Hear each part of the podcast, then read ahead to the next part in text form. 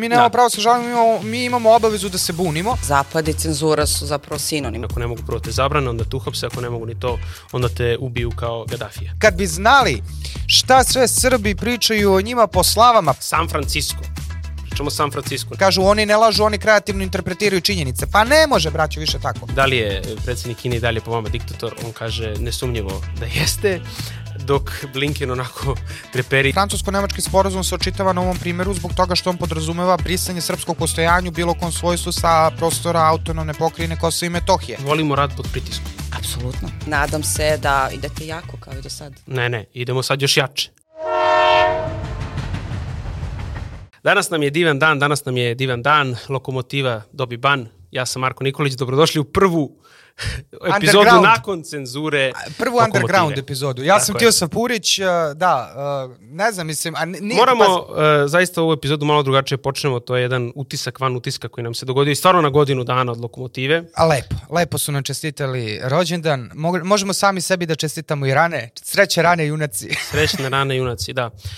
Sad šalu na stranu, naravno da nam nije lagodno to što se desilo, ali kad smo dobili stvarno toliko poruka podrške i koliko ste nam zaista nekako ulili nadu i energiju e, da nastavimo dalje i da naravno e, nismo ni mislili da ćemo prestati, ali kad ste, kad ste pisali one poruke podrške dobili smo još veću energiju da, da sve ovo što radimo zaista ima poenta. U krajnjoj liniji sam dokaz toga je upravo i taj, i taj ban koji smo dobili od YouTube-a. Ma da, pa tu nema šta, mislim, ovaj, nije kao da nismo očekivali da će se ovo desiti u nekom, nekom trenutku, lepo što su nam na ovaj način čestitali rođendan, a mi ovaj idemo, idemo dalje pa u da.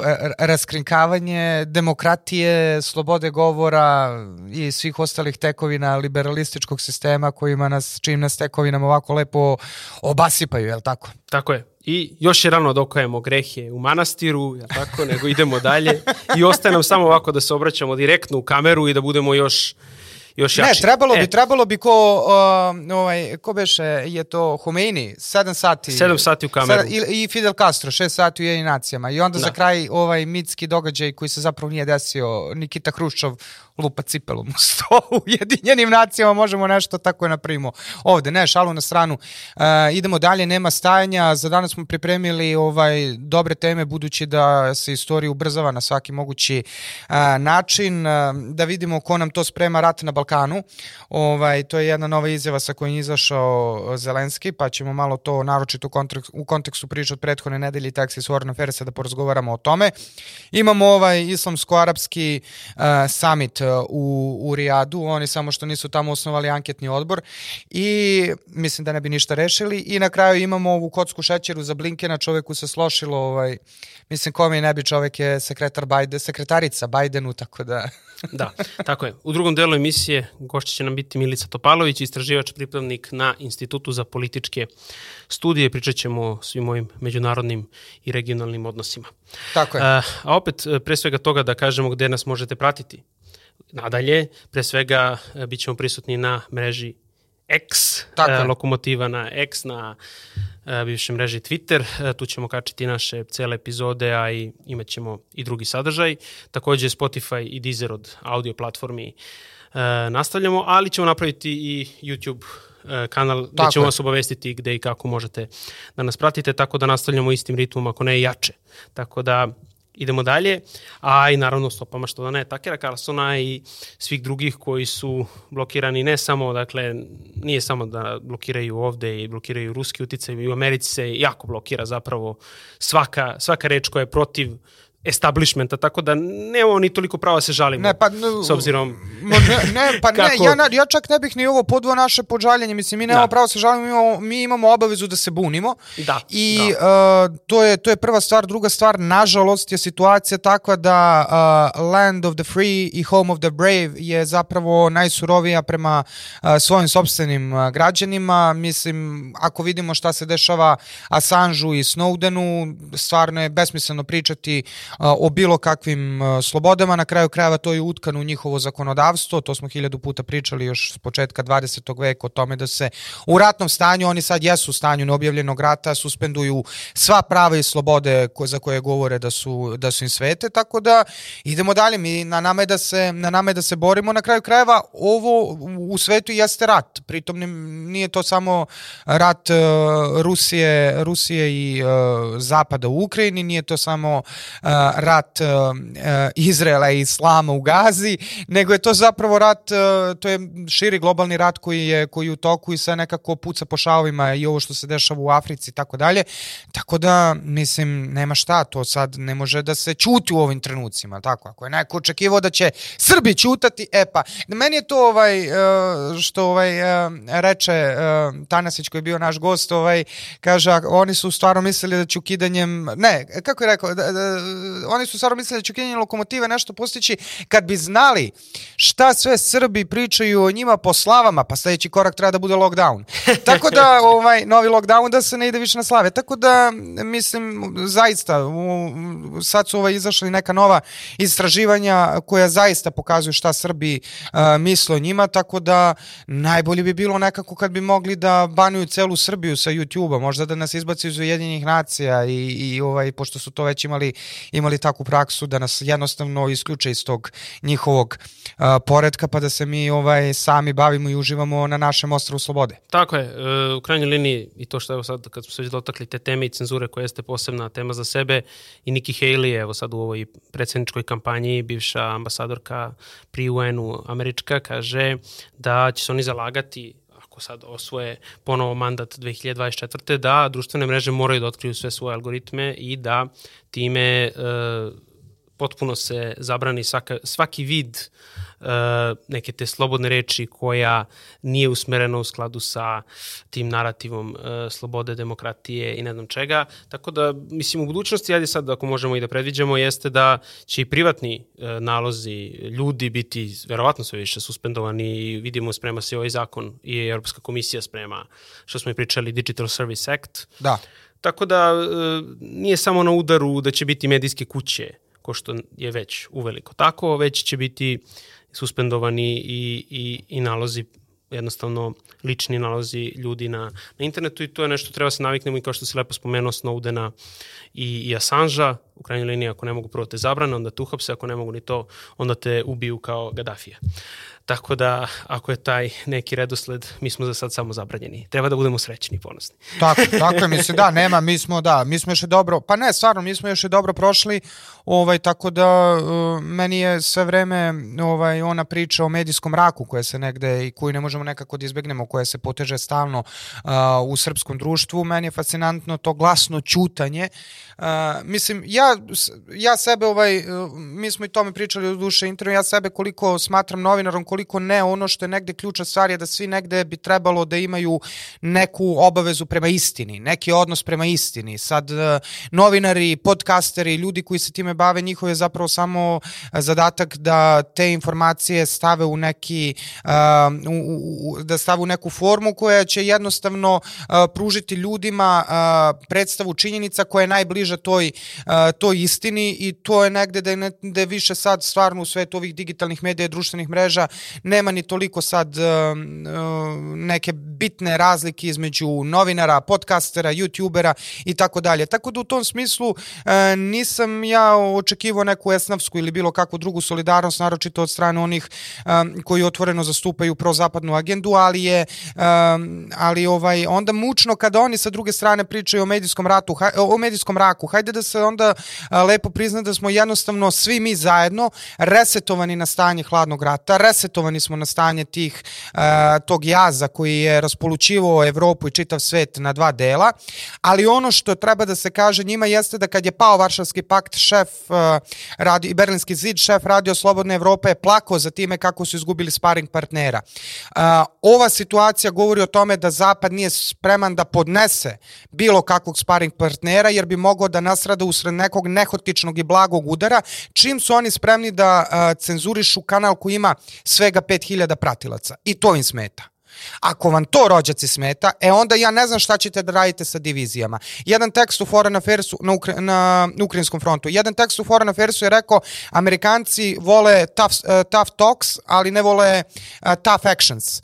E, um, otprilike to zapravo jeste neki odnos snaga. Oni na toj tvrdoj priči i mogu nešto da, da urade još uvek, jer je pitanje kad će se pojaviti zaista ozbiljne alternative YouTube i ovim drugim platformama, ali na tvrdim akcijama ovaj, pitanje šta više mogu, šta više mogu da uradi, to u ostalom pokazuju silni ovi frontovi od, od rta dobre nade do, do severnog polarnog uh, okeana koji, koji zapravo pokazuju da njihova moć opada i ovo je zapravo znak njihove histerije. Upravo to. I uljuljkali su, uljuljkali su se upravo u toj uh, utakmici bez partnera i sad je to je sparing partnera, a sad kada se javio sparing partner, očigledno ne umeju da se naviknu na to da i druga strana zadaje uh, udarce. A 90-ih niko nije smeo da se suprotstavi ni toj Americi u jednim nacijama. Danas vidimo da im se ne samo tu, već i svim drugim. Pa ne, 90-ih su oni bombardovali RTS, tako da smo mi još dobro prošli, mislim. To je ono što si malo pre rekao, jer oni nije samo da znaju da udaraju na novinare tako što ih prevedu u ambasadu i stavi ih napravimo od ambasade zatvor, kao što je slučaj sa Assangeom ili da ih da im prete ovaj čime sve pre, čime sve prete Snowden. Na kraju krajeva zašto se nigde mi se ubismo, evo ga i za mene ovaj Solženjicin. Svi su ubišao priče o tome kako je Solženjicin iz Rusije i Sovjetskog saveza bežao na zapad. Zašto se nigde ne priča gde je pobegao Snowden? A gde je to Snowden? Da nije on u slobodnoj Kaliforniji možda? Pa ne bih rekao. Tako da ovaj pričat ćemo i posle o slobodama u toj Kaliforniji, ali, ali, ovaj, um, ali stvari su poprilično jasni, to je ono što ih nervira, to je, nervira, to je ta istina i ta, ta postmoderna koja je razorila potrebu na kraju krajeva ljudi za istinom. Um, postmoderna koja je išla ruku pod ruku nekako sa krajem istorije i sa, pričamo postmodernu u najširem mogućem smislu, i sa krajem istorije, sa tako tim stvarima. E sad se vratila istorija na velika vrata i nužno se vratio i odnos prema istini. Jer kad ginu ljudi ne može da ti bude nešto, jeste nije. Ne može kad ti, kad ti Izrael bombarduje bolnice ili kad ti Hamas upada na rejv žurke i ventilatorima, ne možeš da kažeš, ne možeš da imaš taj rezervisan odnos prema istini i da se koristiš eufemizmima kakvim se zapad ovaj, uh, zapadna, zapadna propaganda dugo koristila, pa ono, kažu oni ne lažu, oni kreativno interpretiraju činjenice. Pa ne može, braćo, više tako. Sad ili lažeš ili pričaš istinu. Nema više kreativne interpretacije činjenica i to je ono što je negde na kraju krajeva dobra stvar. Jer ovo ludilo je moralo kad tada da stane od 30 godina i te dominacije Pax Amerikana koja je bila sve, sve samo ne Pax. Da, sa tim umotanim somotskim rukavicama gde objašnjavaju kako je to sve kroz te eufemizme nije zabrana, nego je nego suspenzija, je suspenzija, da. Tako da uh, apsolutno i evo možemo kažemo da smo i ponosni što smo neki oblik žrtve tog tog jednog sistema koji se urušava i, na, i nad nama, što si rekao, i na jednom YouTube kanalu. A, a, e... vidjet ćemo, ja bih to malo, jer to samo da, uh, to mi malo liči na ove, mislim, razumem, nemoj da, jeste, činjenica da jesmo žrtve zbog toga što jednostavno oni su ti koji nastupaju ne, sa pozicije moći. Ne, nego oni pokazuju, pokazuju zapravo slabost, ja to hoću da e, da kažem. Tako je, jer uh, ja bih čak izbjegao to žrtve, jer žrtve su ovi što uzmu Naravno. kolektivni godišnji odmor, zamrače kanale i odu na tri dana da pokažu kako nema medijskog mraka, iako su na prvim kanalima uh, kablovske televizije, a ovaj a mi smo bundžije i nasuki nikad nisu problem žrtve. Žrtve će da, da, da to pomiluješ po glavi, što bi rekao predsednik Vučić, svi su oni moji. Ovaj, to se znači pomiluje po glavi, stavi se tamo da bude neki fikus, da izigrava dvorsku ludu ili šta god je već potrebno, a bundžije se gase, bundžije se seku i to je negde problem, tako to je to, da... talasamo, talasamo. Idemo, talasamo, sad smo, da. Sad smo onog Somića, e, sad smo ste, som, sad smo već... Tako je, tako je, ali se ne damo. Sad, ne damo. Znači, hteli ste ta, ovu talasokratiju, e, sad ćemo mi da ustalasamo ovo more. e, baš tako. Sjajno. Uh, ajde da krenemo polako i ove A kad smo već na... pričali o tom medijskom ratu, da se vratimo ko sprema rat na Balkanu. Mi prošli put pričasmo, ovaj, možda, je tako, možda smo mi tako skrenuli pažnje na sebe. Možda je zapravo ova emisija došla do Zelenskog, on je gledao, čuo nas šta pričamo, jer njegov engleski je vrlo slab da bi čitao Foreign Affairs, ne znam ovaj, da li bi to on izgurao. I, ovaj, I možda je zapravo, možda smo mu mi dali ideju.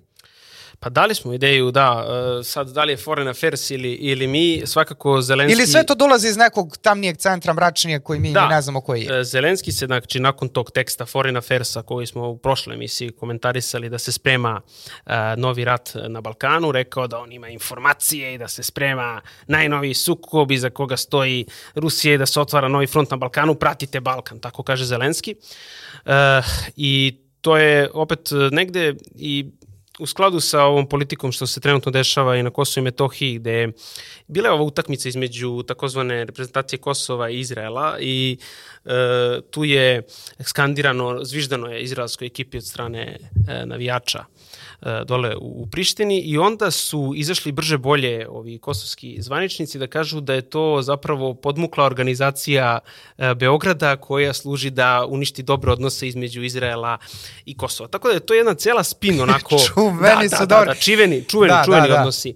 Tako da to je jedna cela spin mašina koja je sad pokrenuta, ali e, nije dobro kada ovaj predsednik Ukrajine koji očigledno gubi tlo pod nogama, što ćemo posle pričati o naslovnim stranicama i ekonomista, koja je jako zanimljiva za mesec decembar i uopšte 2024. godinu, kada vidi da mu se i tu sprema i pakuje jedno ozbiljno ovaj, izgleda boga mi detronizacija na kojoj podrška koja je naveka u prethodnih dve godine, e onda kreću da se otvaraju ti novi sukobi, samo što ja ne verujem da da bi on e, mogao da bude taj koji, koji bi trebao da ima te informacije, jer izgleda da nema ne baš informacije šta mu se dešava u vojsci. Tako da... Ne, meni je tu fascinantno koliko oni ne razumeju suštinski, dobro, ajde na stranu to što ne razumeju odnos e, Rusije i Srbije, nego ne razumeju ni Srbiju kao takvu, Jer ako se gleda ovaj prošlo sve ukupno Rusi Srbima jesu uvek pomagali, ali je uvek bilo to uh,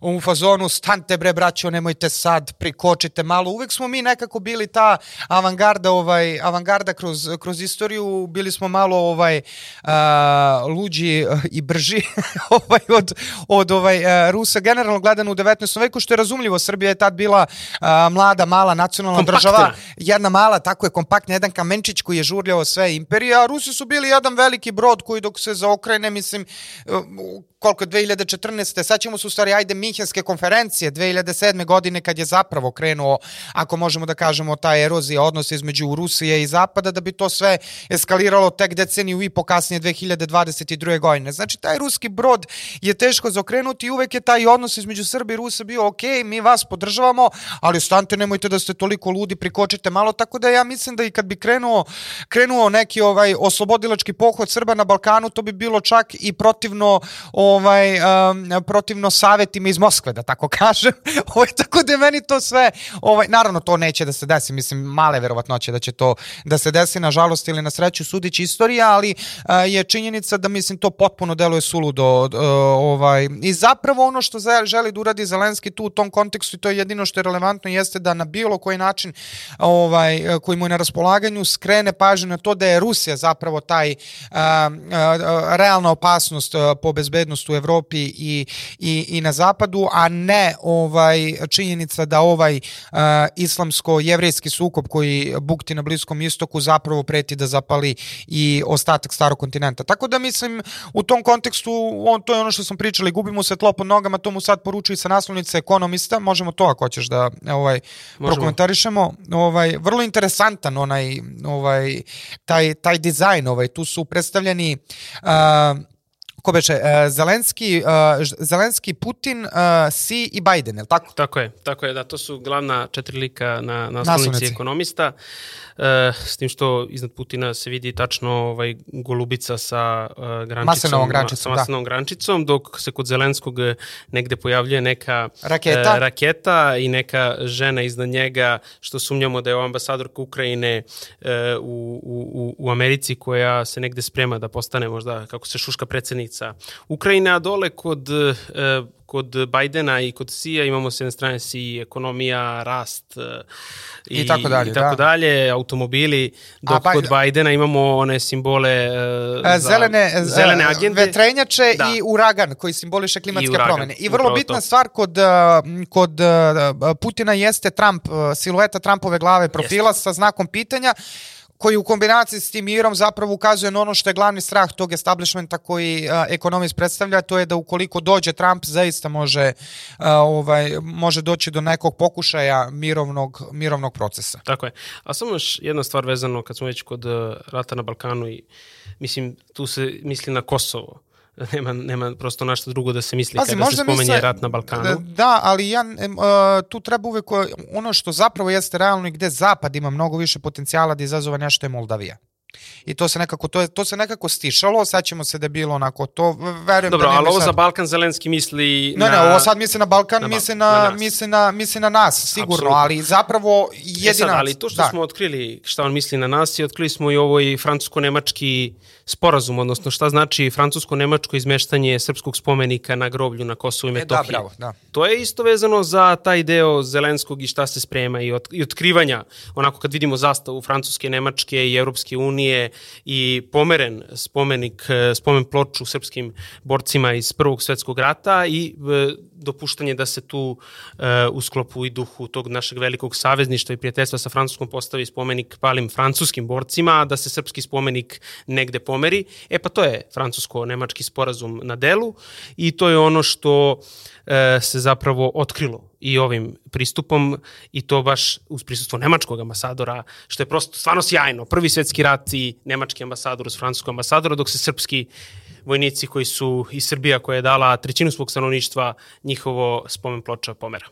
Pa znaš šta, taj prvi svetski rat za razliku od drugog svetskog rata, mada vidimo da mi i to nije problem da revidiraju, taj prvi svetski rat se nekako u zapadu počeo se predstavlja koliko se meni čini kao rat fine gospode gde smo mi bili neki varvari na margini i to su sve bili rođaci u belim rukavicama, aristokratske porodice koje, to je zapravo bila jedna porodiča svađa, sad to što su izginuli milioni ovaj, u tom sukobu, to je nebitno, ali to zapravo predstavlja uh, integralni deo civilizacije na isti način na koji predstavljaju mir, stabilnost, sloboda, demokratija i tako dalje. Mislim, sam taj, sam taj rat, oni vole da prikazuju one slike kolektivne ovaj porodica, to jest um, suverena evropskih u tom trenutku gde svi sede na primjer oko kraljice Viktorije, pa sad svi njeni rođaci oko kraljice Viktorije i, i tako dalje. Ne treba mislim lagati, tu je ovaj predstavljan i, i, i car Nikolaj, ovaj i on je tad bio, ali to je bila neka neka drugačija Rusija koju su i nekako mogli da stvara ovo posle kad se bolševizam prilepi uz Rusiju, to nikako nisu mogli stvari, ne mogu do danas i ne mogu s tim u vezi drugi svetski rat, a nekako je na, na, na Srbe se prenala krivica za prvi svetski rat i Gavrilo Princip i još je tu kontekst Bosne i to,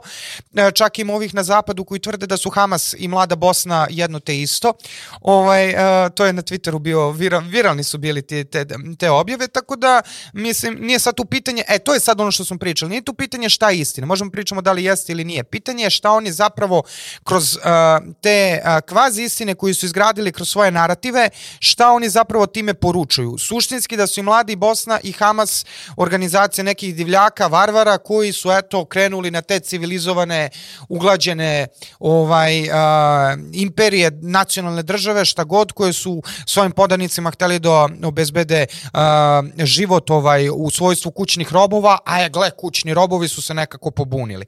Tako da mislim, to je taj neki kontekst koji se gradi. Ono što je meni bilo, što se svaki put kad Francuzi a, naprave neku svinjariju, a često je prave, uvek se mi dignemo da ovaj a, a, spomenik prijateljstva Francuskoj nekako nekako ovaj da, tu, ja imam pre, ja imam predlog da se da. da se posadi krst ispred tog spomenika i da jednostavno kad su te stvari da, da mi izlazimo zapravo na zadušnice na taj spomenik i da se lepo održi opelo francuskoj svaki put kad i to da bude dok francuska ne vaskrsne izlazu izlazu iz NATO pakta. toga već i kroz Mislim, kod tu nema šta. Ajde kažem tog hrišćanskog elementa treba treba podsetiti na vrednosti kako kako osnovna ta evropska ekonomska zajednica i i Roberta Šumana koji je rekao tada uh, pozvani smo da razmišljamo o hrišćanskim osnovama Evrope tako što ćemo formirati demokratski model upravljanja koji se kroz pomirenje razvija u zajednicu naroda u slobodi i jednakosti, solidarnosti i miru i koji je duboko ukorenjen u hrišćanskim osnovnim vrednostima. E to treba se napiši ispod tog spomenika i svakog drugog spomenika jer je ta Evropa izgleda malo zaboravila na ono na te hrišćanske vrednosti i to kako sad mogu da premeštaju spomenike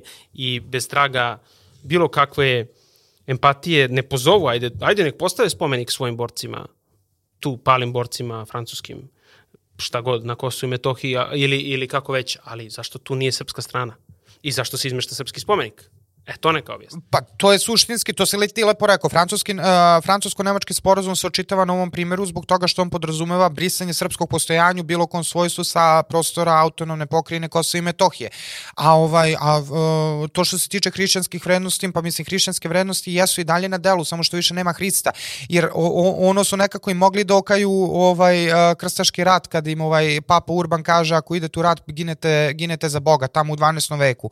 A sad im isto kažu poruka je ista, samo što ne idu da ginu za Boga, nego idu da ginu za vrednosti, ali suštinski to je ta logika koja stoji iza svega, jer ovaj, um, svi ti zapadnoevropljani i pre nego što su postali hrišćani, bili su zapadnoevropljani i sad ovaj, kad više nema Hrista i dalje su to, nema tu, nažalost tu nema suštinski, vidimo neke velike razlike, što bi rekao francuski veliki istoričar Fernand Brodel, to su procesi dugog trajanja koji se jednostavno ne menjaju, tako da mislim to je, to je tužna istina o odnosu između između nas i Zapada. Tako je. A ono što se tu, ajde, menja, da spomenjamo i ovog O'Briana, eh, savjetnika za nacionalnu bezbednost SAD, koji je 2000-ih ponavljao kako neće Amerika nikada priznati Kosovo, postuje se rezolucija 1244, danas naravno isti taj čovek eh, spominje kako eh, ne da, ne da, ne da su naravno priznali i ne da najviše podržavaju kosovsku nezavisnost, nego vidimo da sad na osnovu ovih svih povećanja budžeta, pre svega za vojsku i policiju te lažne države, vidimo da će u narednih dve, tri godine planira Amerika koja je zvanično i podržala i njihova ambasada podržava i rekla je zvanično da podržava tu taj sastav, to je transformaciju uh, tih bezbednostnih snaga u vojsku Kosova. Vidi se da, će, da, da to što se pravi trenutno na Kosovu biti jedna onako uh, hijena koja će služiti da svaki put kada Srbija pokuša da uradi nešto što nije u planu i skladu sa tim zapadnim vrednostima, da će ta lažna država izgleda imati ulogu da e, nas na neki način sa svojim akcijama na Kosovu poremeti. I to se vidi po ovim budžetima i to koliko Amerika sad, trenutno ove godine, izdvojila za pomoć toj vojsci. I zato treba da to sve bude tema i zato nije ni beznačajno i kad taj Zelenski to kaže, jer možda on nije smeo to da kaže, a je rek, pa je rekao. Ne, Tako nije. da e, ne, ne treba to ništa uzimati zdravo za gotovo i mi se sad smemo i tako dalje, ali situacija prosto ide ka tome. Pa da, mislim, Kosovo jeste u izvesnom smislu osigurač za ovo što se dešava i trenutno Tako na Bliskom je. istoku. Jer ali ajde, sad možemo odmah da pređemo povlačenja. na... Samo na, molim te, pre nego što pređemo na Bliski istok, dok smo to, i, ali teme vezana za Bliski istok u uh, Nemačkoj, kad pričamo već o tim njihovim hrišćanskim vrednostima ugrađenim u temelj, uh, je u toku pret, prethodne nedelje odrađena velika uh, racija da se za suzbijanje antijevrejstva i antiizraelske retorike, uh, gde su zatvoreni uh, i policija upala u mnogobrojne islamske centre uključujući i najstariju uh, organizaciju muslimana u Nemačkoj, Islamski centar u Hamburgu, gde su organizovani još protesti 70-ih uh, godina i suštinski je kriminalizovana svaka poruka uh, ona from the, uh, from the river to the sea, Palestine will be free, što viču ovaj, uh, kako se zovu, demonstranti ovaj, uh, po, zapadnoj, po zapadnoj Evropi, je to, te poruke su kriminalizovane i ono što nam ova cela situacija sa Nemačkom uh, dokazuje jeste da je za Nemcu očigledno bitno da anti antisemitizam bude stabilan bez obzira na to koji semita je u pitanju. Tako da mislim, uh, ono što je sad meni fascinantno da to je što smo pričali da u Evropi sad imamo islamofobiju, imamo antisemitizam i naravno rusofobiju pa, kao krunu kao krunu svega, svega toga. toga, da, s tim što ova situacija sa antisemitizmom, s antisemitizmom konkretno je dosta interesantna, jer oni su bili antisemiti dok su im jevreji bili u zemlji, sad više nema jevreja u njihovim zemljama i sad je lako biti uh, proizraelski nastrojen, ali tako, barem ih nema u onoj pa, meri u, u kojoj su... Koji su ima, za kojoj su, pričali, su, ali da. Ovo za Nemačku ovo konkretno, za Nemačku, da, a ovaj, ali sada su tu drugi semiti i ne samo semiti, nego muslimani, sada su oni antimuslimanski, sad je pitanje, postavlja se pitanje da li će Zapravo, morati... Zapravo, rusofobija je tu konstantna, Da, rusofobija su... je konstantna, nego je ono što se, što, da. se, što se negde ja strahujem jeste da imajući u vidu njihove, njihove tradicije odnosa prema drugom sa velikim D, da li će morati da se ponovi tragična istorija kakva je a, obeležila ne samo 20. nego i 19. pa sve unazad do 13. veka prema jevrejima, da se ponovi ista istorija prema muslimanima sad, da bi se onda a, stvaru revidirali ovi opasni pokliči koje vidimo i u nemačkoj štampi, čak vrlo otvorene islamofobije. Tako je. Ništa, možemo sad polako na ovaj islamsko-arapski summit i na naravno kocku šećera za Kocku, Blinkena. Da. E, I imali smo, pristupovali smo zapravo u Rijedu Čak i nismo prisustvovali, prisustvovali ljudi... Ali da, prisustvovali smo. Ali u smislu... Svedočili smo. Svedočili smo tom Jeste. jednom... Uh, Online zaista smo svedočili. događaju koji, koji je okupio sve islamsko-arapske zemlje i tu je sad, ajde, ni- niko tu nije očekivao ne znam kakve odluke. Mislim, s obzirom da do pre e, dve do tri godine Iran i, i Saudijska Arabija nisu mogli da se, ne, da se nađu za istim stolom, nego nisu mogli da se gledaju e, verovatno ni preko internet e, konekcije, niti, niti online. Tako da e, ovo je veliki zapravo uspeh i događaj da se islamsko-arapski svet negde okupi, naročito kad vidimo Asada, e, koji je bio izbačen iz Arapske lige. A protiv koga je Francuska sveže digla optužnicu zbog korišćenja da. Hemijskog oružja 2013. Ali, Ali to je ono, se, ali to je ono, prvo te cenzurišu, onda ako ne mogu da te uhapse, onda te ubiju. E, njega sad nisu uspeli ni da ubiju, ali zato Ovo sad, dižu Asad nam optužnice. otkriva neke nove realnosti. Sad vidimo konačno šta je posle kad ne uspiju da te ubiju. Upravo. I uh, pff, negde nije, e, ono što je važno sa tog samita jeste da su povučene neke kao crvene linije koje, oko kojih su se svi složili, a to je da neće biti, to jest ne sme da dođe do isterivanja naroda u Gazi, to jest proterivanja na Sina ili šta god su već planovi o kojima smo im pričali u prethodnim epizodama, šta god do, dođe posle rata. Ali ako se ovaj sukob nastavi narednih meseci, prosto uh, veliko je pitanje uh, da li će oni moći, to jest islamsko-arapski svet da ostane na taj način ipak uzdržan, koliko god uh, se činilo da koliko god se činilo da su trenutno doneli neku odluku koja, koja, kojom su hteli zapravo da pokažu jedinstvo ipak i povrh svih razlika hteli su da pokažu verovatno da mogu da se okupe na jednom mestu, što jeste veliki uopšte moment za, za islamski svet. Da, ti si ih baš nahvalio. Mislim, je, ne, ne, ne, jasno, pa da, jeste, s tim što ja, ne znam, meni se čini nekako da je muslimanima dozvoljeno, pripušteni su u, ovom, a, u ovoj konstelaciji a, međunarodnog poredka jedino da ratuju sa pravoslavcima. Znači imamo Azerbejdžan protiv Jermena, koji doduše nisu pravoslavci, ali istočno hrišćanstvo su.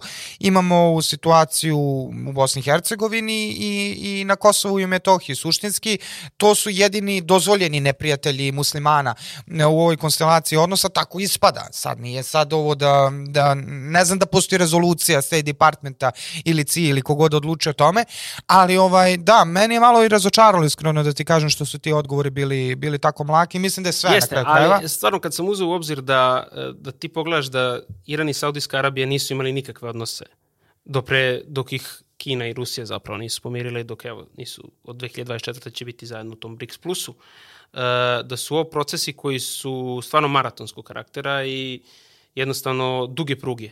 Sad, uh, to što se dešava u Gazi je neprihvatljivo naravno za sve njih, ali odluke koje oni danas donose su stvari koje, koje, koji su svi svesni da, da će svaka odluka bilo kakvog ekstremne karaktera dovesti do jako opasnih posledica. Tako da je ovo jedna poruka da su oni zajedno i to sa Asadom, sa kojim se ni Rijad, a ni da ne pričamo ovim eh, Malim zalivskim, malim zalivskim zemljama, da. šta se tu dešavalo u Siriji, ne da nisu mogli da se gledaju, nego su zapravo ratovali protiv tog istog Asada.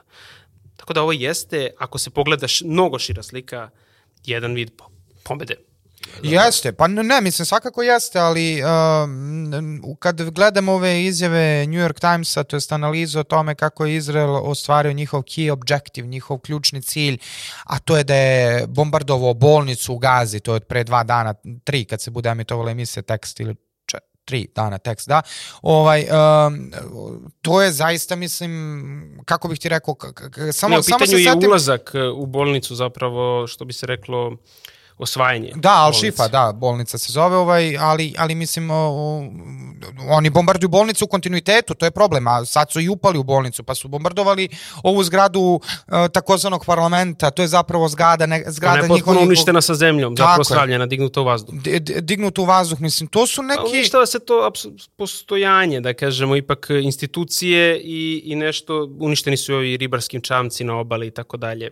Sad, I kako imajući- to opravdati kroz, kroz te, e, kako bi se reklo, eufemizme, e, ili Pa ne, kako su to, to je objasnili problem, već? to je problem što tu nema eufemizama, nego ti sad kaže, sad se sad pokušavaju da ti predstave da je zapravo bolnica bila uh, ključni strateški cilj IDF-a koji on morao da osvoji po svaku cenu Mislim, uh, vidio sam neke analize, kaže ovaj, ali Hamas se kriju u tunelima ispod te bolnice, pa gde da se kriju, koliko je gaza? Mislim, koliko ima ljudi, gde Dobro, će... Dobro, i za to treba da se iznesu da se... sve dokazi, svakako Ne, ali da, da, da, da. jasno je, treba da, da se iznesu dokaz, dokazi. Za tunele, I ne specif... da tako je, i, i, i, i, ovaj, i da, is, po, konkretno ispod te bolnice i, i jeste ovaj, ni u skladu sa međunarodnim pravom da te civile, da ti civile koristiš kao štit, ali ta gaza kad se pogleda koje je površina, pa gde će, Hamas je izabran od strane tog naroda, do duše ovaj, um, ima godina tome, izabran od strane tog naroda kao politički, politički predstavnik i ono što oni ne shvataju jeste da sa svakom, uh, pošto se Izrael Izrael, e, proklamovani cilj Izraela jeste uništenje Hamasa.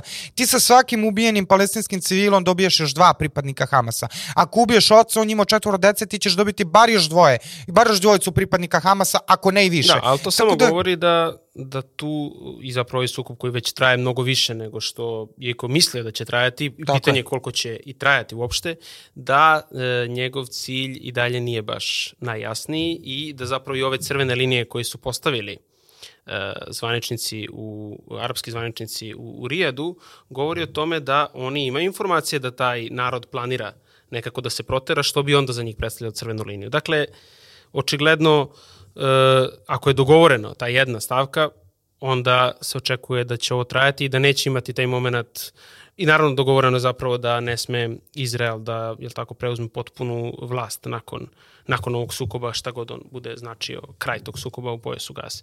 A, tako Ali, je, mislim da. Uh, da i ovaj i, i negde i ekonomist taj tekst sa kojim je izašao ovaj da je Bibi Netanjahu pogrešan čovek u pogreš, na pogrešnom mestu u pogrešno u pogrešno vreme i to pokazuje neke signale mada ceo generalno američki establishment ima zbog drugih priča ovaj, koje se tiču odnosa desnice i levice na zapadu ima taj rezervisan odnos prema Bibiju, ali sad je stanje rata, tako da ovaj, dosta, tu, dosta tu mutna i sudbina politička Benjamina Netanyahua, jer očigledno je da i oni svi tu žongliraju time šta zapravo hoće dosvore ovo što si ti rekao, tako da ja mislim da sad Benjamin Netanyahu nakon ovog teksta iz ekonomista komotno može da ugosti Zelenskoga, koje, ako je potrebno, ovaj, nema, nema nikakve opasnosti da će ugroziti svoj ugled jer je on na zapadu očigledno poprilično već ugrožen. A dok se sve to dešava na Bliskom istoku, u San Francisku imamo posetu predsednika Kine e, Americi i e, videli smo zaista scene koje, koje mogu da dođu i u, i u neke komične šovove, da uh, secretary, kako se zove, secretary of state, državni sekretar Blinken, e, koji gleda onako svog šefa, predsednika Bajdena, koji nakon zajedničke sednice sa, predsedni, sa predsednikom Xi Jinpingom dolazi i odgovara na pitanje da je da li je predsednik Kine i dalje po vama diktator, on kaže nesumnjivo da jeste, dok Blinken onako treperi i strepi za svaki, svaku sledeću reč, reč Bajdena i bukvalno mu treba u tom trenutku kocka šećera i čaša vode, onda ga je posle isto na nekom sa, sastanku gledao, onako ima video gde on onako posmatra uh, Bajdena kako priča i, i, i bukvalno se plaši za svaku reč koju on izgovara, koliko Zurio će, posle, njega, da. koliko će posle Bela kuća morati da demantuje i kako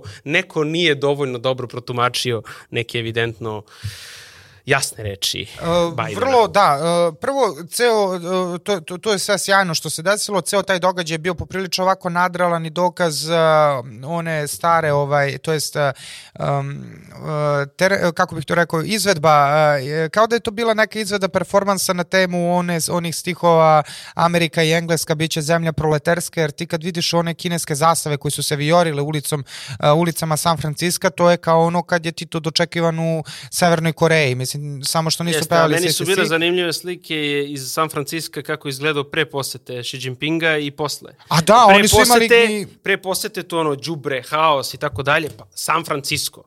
Pričamo o San Francisco, ne pričamo o nekom gradu unutrašnjosti Amerike i tako dalje, nego jednom najbogatijih gradova i vidimo kako izgleda pre posete i posle posete i kaže samo da nam je Xi Jinping svaki dan ovde možda bi nešto bilo bolje. Njima da pošaljemo, njima da pošaljemo zeleno-levi front e, i ove naše akademike da im malo preporuče kako treba urbanistički da srede San Francisco, možda to ne bi bila loša ideja i svi onako žele da živu američkom, po američkom standardu tako da ne bi bilo loše možda da to iskuse i na svojoj koži pa će revidirati neke svoje stavove, no a, interesantno je da se svi tamo sastao sa maskom u, u Hyatt hotelu je bila organizovana ta uh, konferencija. Sve čoveče kao da je Beograd 70-ih. Znači u Hajatu je ovaj, organizovana, uh, ovaj, samo što nije hotel Jugoslavije, nego Hajata, tu, tu su ga dočekali Elon Musk iz Tesle, Tim Cook iz Apple i Albert Burla iz Pfizera.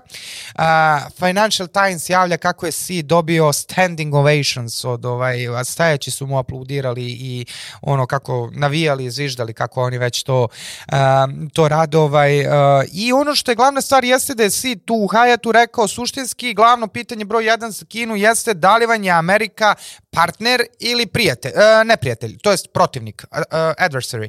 Ovaj, tako da uh, sama činjenica da je nekoliko sati posle toga Biden rekao ovo što je rekao, I to vrlo bitna stvar. Nije rekao sad tu okarakterisao, jer tu je sad interesantan odnos. E, Rusija je kao, svi će oni da kažu, mislim, neće sad u tijeku ovog, ovog rata i, i ovaj specijalne vojne operacije, ali pre je bila ona priča, ma to je, znate kako, kultura evropska velika, samo kad ne bi ovaj Putin bio da je tamo na čelu neki, e, a ovde suprotno Biden stvar rekao, ovde Biden rekao, e, kad su ga pitali da li je diktator, kaže da jeste, U smislu da je to komunistička zemlja, pazi.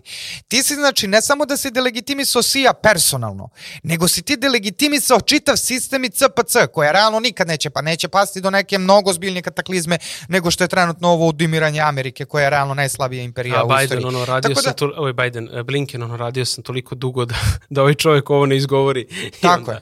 Da, Samo ovo to što sam rekao, najslabi, Amerika najslabiji imperij u istoriji me ne razume neko u smislu da će, da će najkraće trajati, naj, najslabiji će biti njen dugoročni učinak za istoriju. Ali ono što hoću da kažem, oni su tu delegitimisali svaki pokušaj a, bilo kakve, a, bilo kakve ob, obnove realno odnosa između, između Kine i to je između Pekinga i Vašingtona, iako je čak i Peking imao ovaj a, neki poprilično mekši pristup poslednjih dana kad se uzmu tekstovi sa Global Times i tako dalje iz njihovih zvaničnih medija, vrlo je to bilo onako umiveno, pružili su ruku, ali ali ovaj očigledno da Amerika jednostavno nije nije sposobna za takav iskorak. Tako je. E, ajde negde da polako završavamo i e, najemo našu gošću. U drugom delu emisije Milica Topalović pričat ćemo o pre svega međunarodnim regionalnim odnosima. Ostanite uz nas i vidimo se u drugom delu emisije. Dobrodošli u drugi deo podcasta Lokomotiva, sa nama Milica Topalović, doktorantkinja sa Fakulteta političkih nauka. Dobrodošla i hvala ti što si u ovoj našoj prvoj epizodi nakon cenzure, ako tako možemo kažem. Tako je. Hvala vama što ste me pozvali, pre svega, eto, sreća vam rođendan, s obzirom da je ovo prva emisija. Ovaj, nadam se da idete jako kao i do sad. Ne, ne, idemo sad još jače. Sad to je jedino sigurno. Mi smo hteli da budemo fini, civilizovani, dostojanstveni po Nisu njihovim nam dali. ali nam nisu dali, tako da sad moramo da budemo još luđi. Apsolutno legitimno. Tako je. Podržavam. Ajde sad u duhu toga negde da krenemo i od uh, cenzure i, i medijske i naučne, ono zapravo, gde si ti, uh, kako se to kroz nauku ajde o- ogleda i gde si ti prepoznala tu cenzuru, a onda ćemo da pričamo i o ovoj medijskoj i to šta, šta, šta mi prolazimo. Može li zapad bez da. cenzure? Da, može li zapravo zapad? Apsolutno ne. Apsolutno ne. Zapad i cenzura su zapravo sinonimi. I to što ih uglavnom vezuju kao za istok, za te autokratske države i zemlje, to nema veze s mozgom. Naravno, jesu one, njihovi časopisi, mediji, jesu cenzurisani, ali mislim da je Zapad otišao jedan korak napred. Manipulacijom plus cenzurom i to je zapravo jedan uh, raj za jednoumlje. Uh, što se tiče nauke, da, svi mi, recimo kada uđete na taj Web of Science, kao tamo su ili iz Cilistu gde su najbolji svetski časopisi i kada uzmete recimo 10 najboljih politikoloških ili 100 najboljih politikoloških časopisa, nećete naći nikog ko se preziva na ić, vić i tako dalje. Čak nećete naći nikog svojih prostora ni kao autore, ni kao članove redakcija. E, Ja zaista verujem i imala sam prilike da se usavršavam u inostranstvu i stvarno verujem u kapacitet naših ljudi. Ne mogu da verujem da ne postoji ni jedan stručni, ovaj, ka, da ne postoji stručni kadar kod nas koji je dovoljno kompetentan da objavlja u inostranstvu. S druge strane imamo i problem ovaj, zato što naš sistem nam nameće, ukoliko želimo da napredujemo, da, mora da moramo da imamo kategorizacije meke poene, tvrde poene. I samim tim mi dolazimo u taj neki limbo gde smo ograničeni cenzurom, znači s ovih prostora ljudi ne mogu da objavljuju ili vrlo teško objavljuju, a opet morate to da biste napredovali u svom poslu. Um, I opet imamo primer Rusije. Znate, svi njihovi naučnici su trenutno cenzurisani, teško se dolazi do njihovih časopisa, uh, oni mučenici mole, šalju mailove da šaljemo kod njih jer su oni izbačeni apsolutno svih baza. Tako da uh, cenzura postoji, Mm, ja sam imala jedan vrlo interesantan sad primjer iskustvo. Uh, koleginici i ja smo slale za jedan časopis hrvatski, koji je nas cijeli isti jako dobar časopis. I ovaj, sad da li je to deo naše ludosti ili hrabrosti, to, to je sad pitanje za sebe, ali imale smo jedan baš, baš onako lep rad, radili smo kulturu pamćenja. I naravno, šta ću ja da pišem nego Kosovu? Ovaj, ajmo kao kosovski mit, kako se Srbi sećaju, da li se sećaju, da li zloupotrebljavaju zapravo sam mit. I ona je napravila, koleginica moja, jednu paralelu recimo sa kulturom pamćanja uh, bombardovanja Hirošime i Nagasaki. Mi smo to poslali Hrvatima. I svi su nas ubeđivali kao ne, ne, to ne može proći tamo. E, nije nacionalistička priča, nije čak ni patriotska, nego onako realna. Kako, ako želite da se bavite naukom, morate pre svega biti objektivni. Mi sad imamo, uvek je tu kao neki ovaj e, boj unutrašnji da li volim svoju državu, ako je kritikujem, da li ja nisam patriota, da li sam strani izdajnik i tako dalje, ali u suštini mi nismo imale problema. Mi smo dobile toliko dobre kritike i naš rad je zaista, čekale smo dugo, ali je prošao bez problema. Tako da e, cenzura sama po sebi nije dobra, i ne mogu, ne volim generalno generalizacije i te tipologizacije. E, Zapad nameće to, ali nije sve crno-belo. E, ljudi ukoliko se trude mogu ovaj da naravno ne u 100 najboljih časopisa, ali korak po korak mislim da mogu radom i trudom da dobiju pozornosti te zapadne scene jer nama kao naučnicima zapravo ništa ne znači da objavljujemo u Rusiji i Belorusiji da. na primjer. Da, to je taj primat koji Zapad drži i ljubomorno ga drži. Čekaj, a to sad kad si rekla da ne znači ništa, tu se zapravo radi dalje o jednoj vrsti uh, hegemonije zapravo Zapadne akademije u akademiji na globalnom Tako nivou, je. ali uh, onda, uh, mislim, uh, koliko onda postoji objektivnost kod njih Jer ono što, uh, sećam se ovaj kad se spomenula Kosovo, bila je ova čuvena, ja mislim da se zove Ana Dileli, oslagaću, uh mhm. -huh. italijanska, da li istoričarka ili kako već, koja je pisala i bavila se kulturom, uh, to je s kosovskim mitom kod Albanaci. Napravila je jednu ovako kategorizaciju uh, svih, uh, celokupnog stvaralaštva u albanskom narodu vezanog za kosovski mit, gde je bilo dosta plagijata. Bilo je, bilo je sa druge strane nekih vrlo istinitih stvari koje su ovaj, jer albanski mit je, uh, kosovski mit jeste pristojni kod Albanaca, ali ovaj, činjenica je da se tu radi zapravo o nekom obliku hegemonije. Kako se protiv toga boriti?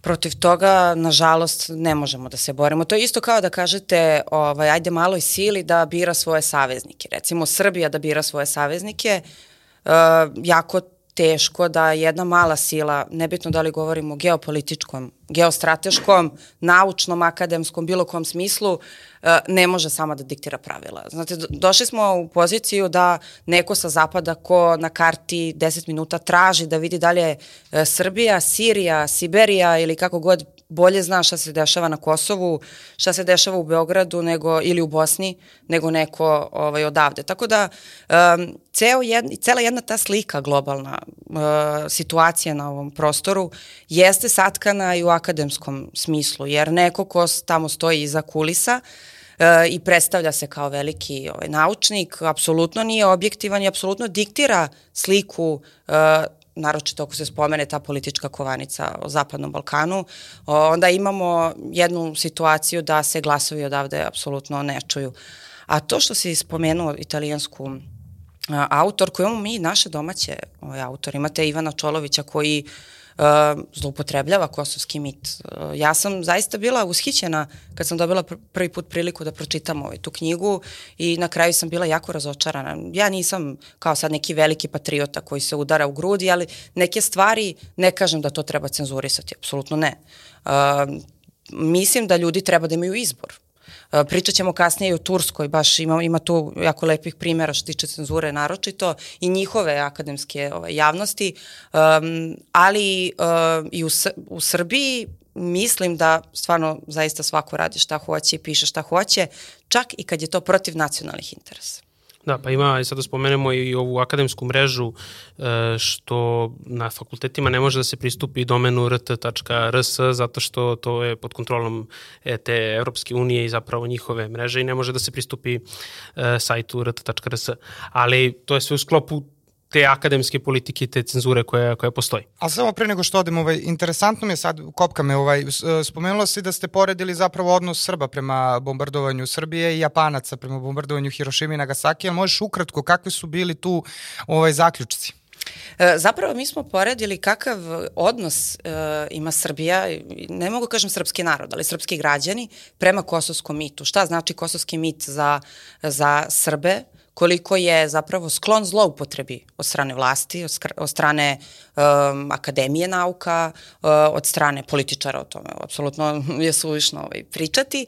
I zapravo poredile smo taj proces uh, koji je nastao poslednjih uh, od 40 i neke godine u Japanu, taj proces kulturnog pamćenja, uh, komemorativnih skupova, preuveličavanja i taj neki uh, performans Jap, Japana, japanskih zvaničnika, japanskog naroda, koji odjednom e, zaboravlja na kojoj strani je on bio u drugom svetskom ratu. Ok, oni jesu bili žrtve e, atomskog, nuklearnog bombardovanja i to je zaista presedan u tadašnjem ovaj, istoriji ratovanja, ali ne možete staviti e, sebe i da je vaša jedina i najznačajnija uloga u drugom svetskom ratu bila uloga žrtve. Ne, apsolutno nije. Ne kažem da je odgovor na vašu ulogu bio asimetričan, apsolutno je bio asimetričan, uh, ali uh, taj način i kulture zaborava u smislu šta smo mi radili u drugom svetskom ratu ili recimo šta su Hrvati radili u drugom svetskom ratu. Uh, imate jednu kolektivnu svest recimo u Hrvatskoj da te ustaše to su neki drugi ljudi, to nismo mi Nema veze što je to moj deda. Da, to nisu Hrvati. To, to nisu neki, Hrvati, to su Ustaše. Po tom ideološkom nekom Tako je, to imate tu kulturu zaborava u Nemačkoj. Ona je jako interesantna da Nemci se apsolutno ograđuju od tih Nemaca koji su, uh, jel te, ubijali i klali, koji su zatvarali u koncentracione logore i tako dalje. Nema veze što su to ovaj, krvni srodnici direktni, ali to su neki drugi ljudi koji su naseljavali neku našu teritoriju na kojoj, slučajno, na koju su oni sad. E, tako da kultura pamćenja i kultura sećanja i kultura zaborava su jako zanimljive teme. Kako iz ugla sociologije, psihologije, tako i političkih nauka. Vidim da se sve više mojih kolega nekako hvata ovaj, za tu temu jer je onako kječi. Da, ali naučni radovi, sad kad si to spominjala, šta je dozvoljeno, šta nije dozvoljeno, čim se spomene, na primjer, Kosovo ili to, tekovanice Zapadni Balkan, to odmah prolazi u tim zapadnim krugovima. Ako se spomene slučajno rezolucija 1244 ili se stavi slučajno zvezdica kod Kosova, to se odmah nekako ja stavlja po strani. Ja je apsolutno stavljam, da. svuda, uh -huh. gde god mogu. Nekad čak izgleda isforsirano, ne zato što ja sad A, po svaku cenu hoću da podsjetim te recezente ili koga god da je Kosovo srce Srbije nego jednostavno to je tako. Ako se držimo međunarodnog prava, to je tako. Ali onda moramo da budemo svesni da negde može da se objavi, a negde ne može. Zbog tako toga, tako? Tako je. Tako je, tako je. Okay. Uh, kad smo kod kulture, ja moram još malo, pošto iznena da smo uleteli u celu ovu temu, meni, mislim, dosta mi je uh, interesantna ta, ta kultura ovaj, uh, sećanja. Skoro smo bili pre nekih dva, tri meseca, bili smo na nekom uh, panelu u Republici Srpskoj Banja Luci, pokrenula se tema, na Jahorinu stvari, to je bio sabar mladih, nema veze, nije sad toliko ni bitno i pomenula se tema, jedna devojka iz publike postavila pitanja kako mi ne možemo uh, kao Grci, na primjer, da imamo, da razvijamo, iako su oni zvanično NATO paktu i sve, da razvijamo odnos prema pravoslavlju na načine koje oni razvijaju prema svojoj prošlosti i tako dalje. Međutim, ono što meni tu deluje negde, uh, to je sad legitimno pitanje, ali... Izvini, ono... kome je postavila to pitanje? Ko ne može da razvija? Oni uh, zašto, kao entitet? Zašto Srbi, zašto Srbi generalno, Aha, generalno ne mogu da razvijaju? Da, da, da. Ovaj, I uh, kad kaže mi, ja mislim uglavnom Srbi. ali ovaj, ali uh, meni je tu negde palo na, pit, palo na pamet to da Amerikanci i to je u vezi sa Japanom, oni će ti dozvoliti da razvijaš identitet u meri u kojoj taj identitet ne može da bude instrumentalizovan za ugrožavanje njihovih interesa. Konkretno, na primjer, u Grka možete da slaviš termopile, jer to je super, ti si se borio protiv Persijanaca slash Iranaca koji su nam neprijatelji, ali ne možeš ti da slaviš pad Caregrada 29. maja jer ćeš ući u konflikt sa drugom članicom NATO pakta i to ne može da se etablira. Isto tako, negde mi se čini da i Amerikancima više odgovara da, Japa, da Japanci budu žrtve nego da budu, ne da bože, militaristi, pa da ih deložiraju. E sad ne znam koliko, koliko to ima, sad proveram sa tobom, pošto se ti bavila time, a nisam nigde ovaj javno to iznosio, koliko to ima, ima osnovi, koliko mi treba da budemo oprezni sa time. Naročito kad nam se ambasador Christopher Hill snima, slika na premijeri Halijarda da bi opro četnike od ne znam čega.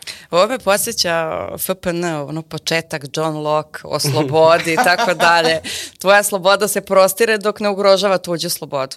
Uh, zapravo, da, i to je deo propagande ako smo već ovaj, krenuli u tom duhu, um, Japan jeste napravio tu, da kažem, inverziju svog uh, identiteta. Um, u svemu ovome što si ti sad izneo stoji zapravo jedan ključni razlog uh, koju apsolutno izlazi iz tog psihosocijalnog uh, pa mogu kažem i strateškog ovaj, značaja, jer uh, Srbija je tako neutralna, vojno neutralna. Iz te vojne neutralnosti ja mislim da proističe sve ovo sad što si rekao. Um, ne kažem da Srbija po svaku cenu treba bude uz Rusiju, nema razloga.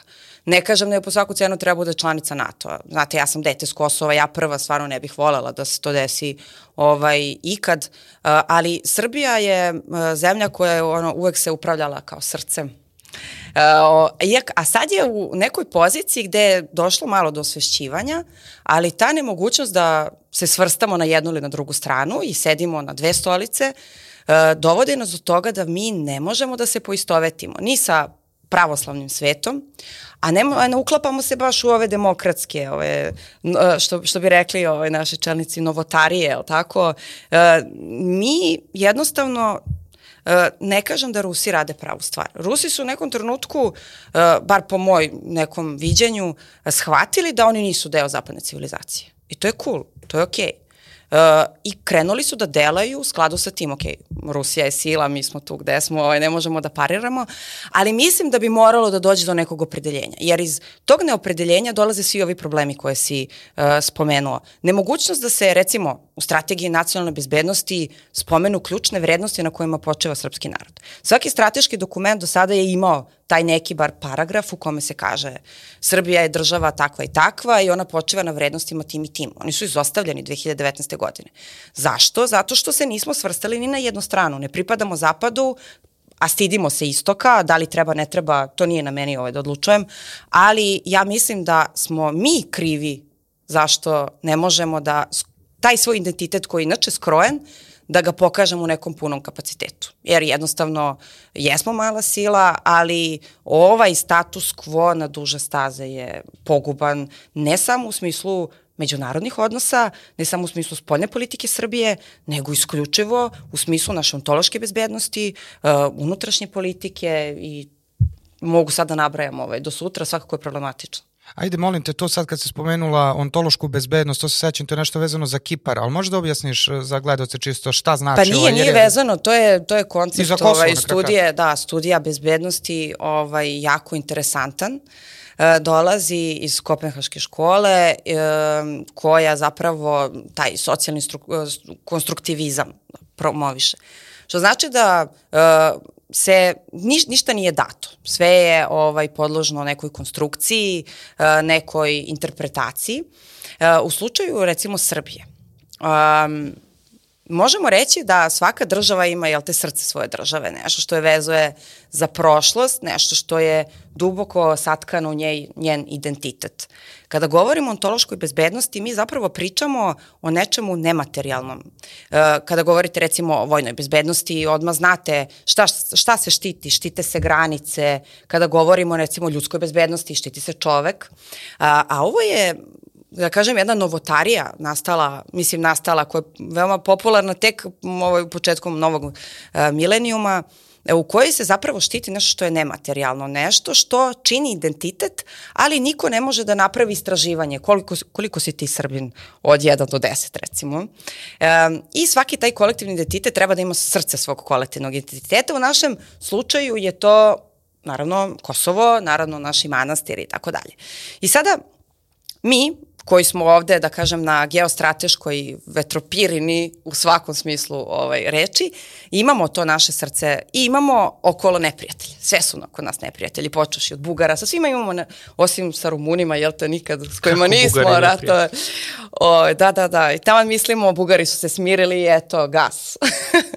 Ne, ne, hoće sad i neke... To nema gasa. O, nema gasa, eto nema gasa, tako I, je. I hoće neku svoju manjinu na Kosovu da proguraju. Yes. Ovaj, E, da pa imaju to neku nisam nacionalnu čula. manjinu, da, to je najnovije. E da, i sad se u svemu vraćam se sad malo teorije ovaj, da vas morim. Ovaj, Slobodno, do- slobodno, do volimo kraja. mi te teške teme. Ali malo presečemo Dešava s se- Bugarima. Da, da, normalno, kako Bugara ne uključiti Hrvati Bugare ovo. E.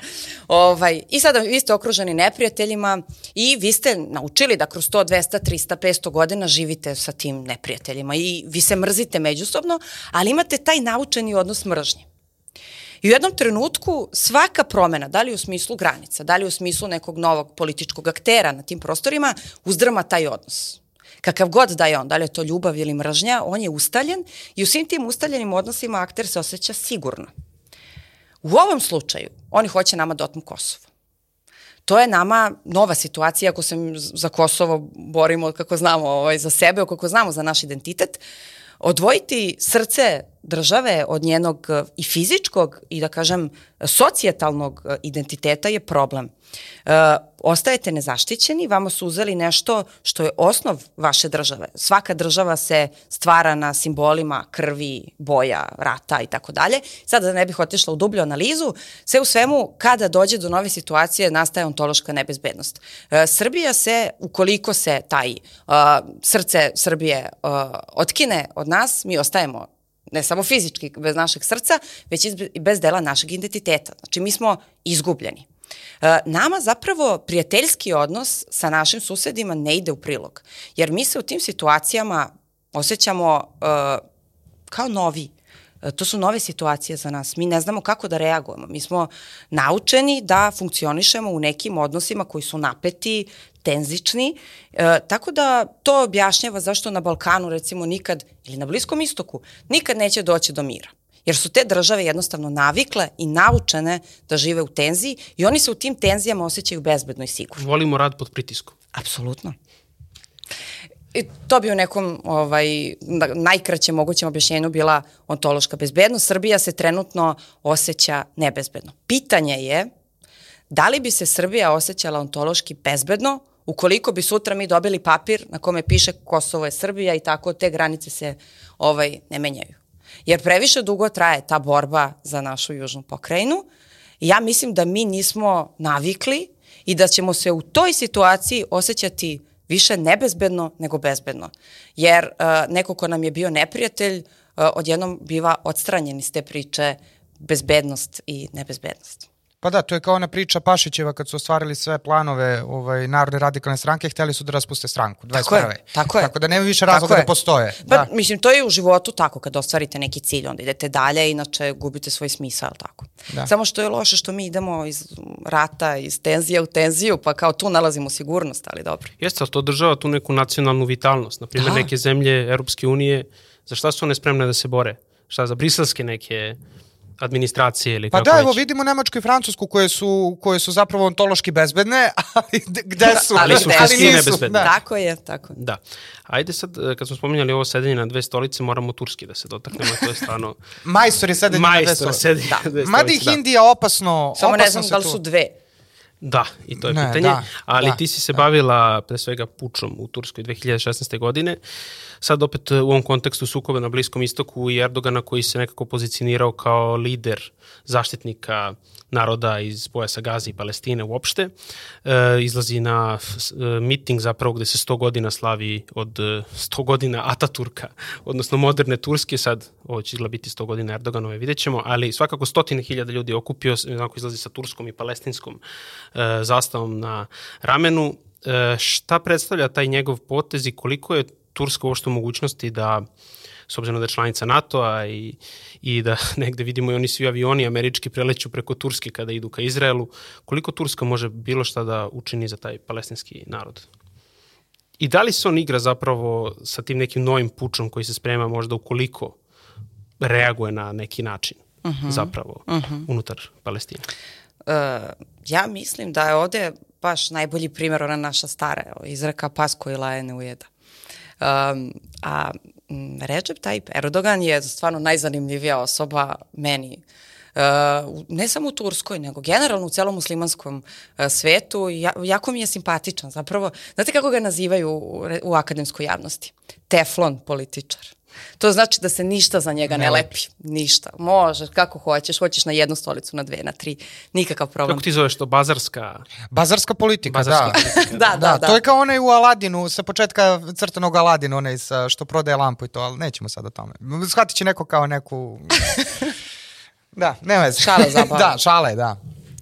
Uh, on, ja mislim da je ovo sve marketiški trik što radi. Uh, on je u velikoj krizi generalno, ako se posmatra sad da sklonimo spoljnu politiku ovaj, sa strane, um, Erdogan je u problemu, to smo videli na poslednjim izborima ovaj, ove godine, gde je prvi put otišao u drugi krug uh, na taj način i tako tesnom ovaj, većinom pobedio na kraju i to uh, ne zato što bilo ko sprema puč protiv njega ili zato što su se sekularisti odjednom probudili ovaj, u Turskoj, nego narod je jako nezadovoljan, narod loše živi. Ja mislim da neki podaci iz 2022. godine da je stopa inflacije bila 80%.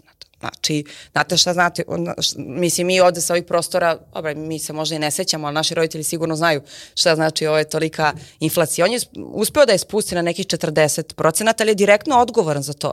Nije hteo da se uzamljuje, nije hteo apsolutno da povećava kametnu stopu i tako dalje. Sada ne ulazimo u ekonomiju, nije ni meni baš ovaj, draga.